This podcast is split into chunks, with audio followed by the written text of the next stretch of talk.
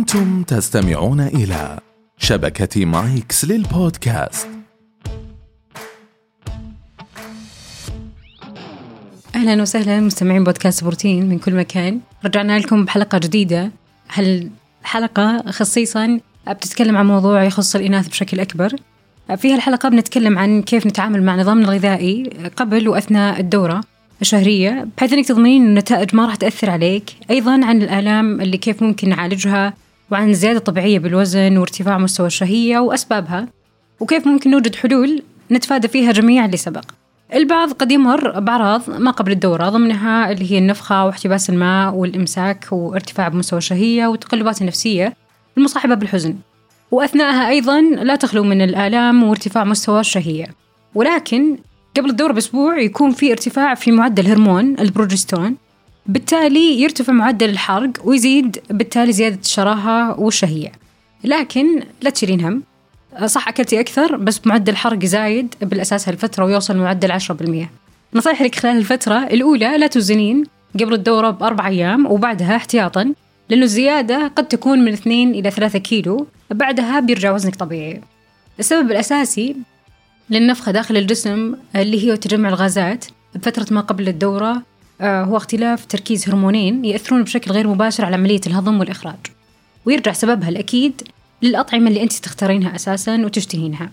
أما بالنسبة لاحتباس السوائل فيكون هو خلل في تركيز الأملاح سببه أيضا اضطراب آه، هرمونات كثيرة هالفترة ونوعية غذائك. عشان كذا احرصي تشربين موية بشكل أكثر. آه، أيضا في هالفترة أحرصي على أكل أصناف تحتوي على المغنيسيوم. ليه؟ العجيب أنه المغنيسيوم يخفض ألم الدورة. ويهدي الجهاز العصبي وعضلات الرحم ويقلل البروجستاتين آه، اللي يسبب ألم في الدورة الشهرية. طيب الأصناف عادة اللي تحتوي على المغنيسيوم كثيرة. ضمنها آه، بذور القرع بذور الشمس اللوز بودرة الكاكاو اللبن والحليب والتونة والسالمون والفلفل الأحمر أو الأخضر والسبانخ المسلوقة والجزر والمشمش والتين والموز.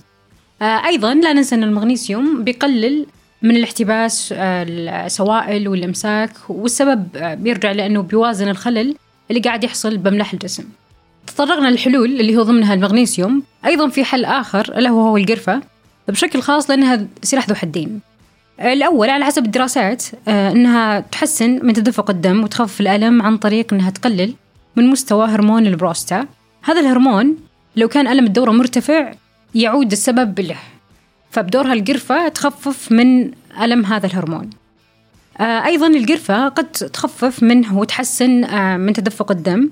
نلاحظ كثير من البنات آه في وقت تأخر الدورة الشهرية تبدأ تستخدم القرفة تساعد بنزولها.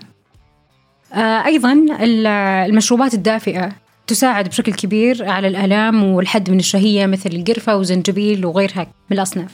طيب بالنسبة لطريقة تغذيتك في هالفترة خلونا نطلع حل منطقي. في حال زاد مستوى الشهية إذا كنت تتبعين نظام السعرات تحديدا فالمفترض اللي تسوينه إنك تزيدين من عدد السعرات الحرارية بمعدل 300 إلى 500 سعرة.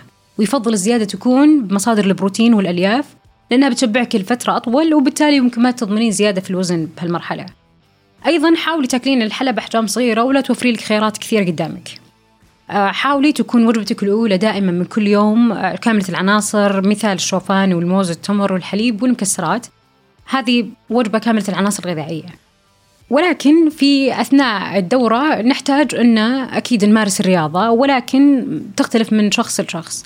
آه، ما في إشكالية أولا بممارستك للرياضة ولكن في ناس ممكن تعاني من مشاكل في اليوم الأول فيفضل أنها ما تمارسها ولكن إذا ما كنت تعاني من مشاكل فمباشرة عادي أنك تبدين فيها.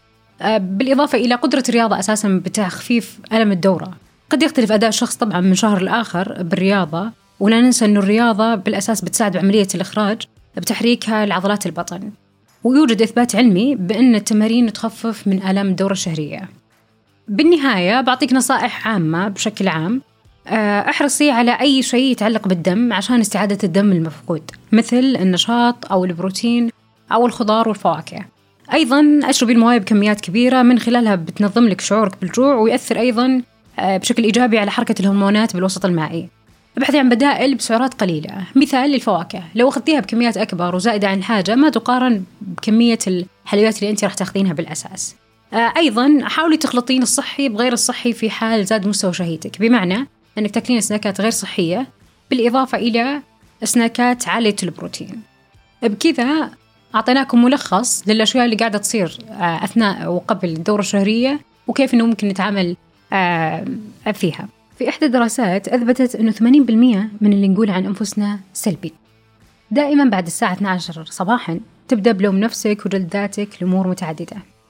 هذه الحلقة ما راح تسمع فيها معلومات. هذه الحلقة لك أنت. اللي دفعني لتسجيل هذه الحلقة مقولة دينزل واشنطن إفشل كبيرا. اليوم هو بداية جديدة لحياتك ولا يمكن أن يكون مخيفا. وأنت لا تعيش إلا مرة واحدة. لذا اعمل على شغفك. استغل الفرصة باحتراف ولا تخاف من الفشل. ونهى خطابه بأن الأحلام بلا أهداف هي مجرد حلم. تحاول تجعل لك هدف تحققه كل يوم كل شهر كل سنة. تبدأ وتتوقف. لتحقيق الأهداف يجب عليك ممارسة الانضباط والمثابرة. عليك العمل عليها كل يوم ووضع خطة. مشكلتنا هي أن لا نخطط للفشل بل نفشل بالتخطيط. تذكر ليس فقط لأنك تفعل الكثير لا يعني أنك أنجزت الكثير. لابد أن تعرف الفرق بين التقدم والتحرك. في كل أهدافك تسمع جملة يبيلك وقت تراك ما وصلت من عرفتك وانت تسوي الشيء الفلاني ولا تغير شيء. وغيرها كثير من الكلمات اللي تخليك تتراجع وتتوقف وتتأثر بدون ما تنتبه حتى. الشيء الأول اللي لازم يرافقك بكل خطوة تبدأ فيها تعلم الاستمرار. المخترعين وغيرهم. آلاف المحاولات والتجارب اللي مروا فيها إلى أن فشلوا وعادوا النهوض مرة أخرى. بالإضافة إلى لو تعودي لتاريخ الشركات الأشهر في العالم تجد أنها كادت أن تفلس ولكن غيرت من أشياء كثير ورجعت تنهض مرة أخرى. لا تتراجع قس على ذلك بجميع أمور حياتك. لتحصل على شيء لم تمتلكه من قبل عليك أن تفعل شيء لم تفعله من قبل. حدد أهدافك قسمها بشكل جزئي اعمل على تحقيقها بالدقائق ثم بالساعات. ثم الأيام لا تبدأ مندفعا. أختم بمثال واحد إن كانت لديك الرغبة للوصول لجسم مثالي. واحد بدل الأصناف اختر أقلها سعرات وأكثرها فائدة. اثنين حدد العضلات اختر الأيام اللي تقدر تتمرن فيها وبتخليك تستمر بشكل أكبر من ثلاثة إلى خمسة أيام بالأسبوع. آه، ثلاثة ممكن تستعين مع مختص يساعدك ويحفزك ويحسب احتياجك الصحيح تطبيق بروتين مثلا واستخدم كود حلم لكمال حلمك. أربعة استمر ثم استمر. شاكرين لكم استماعكم.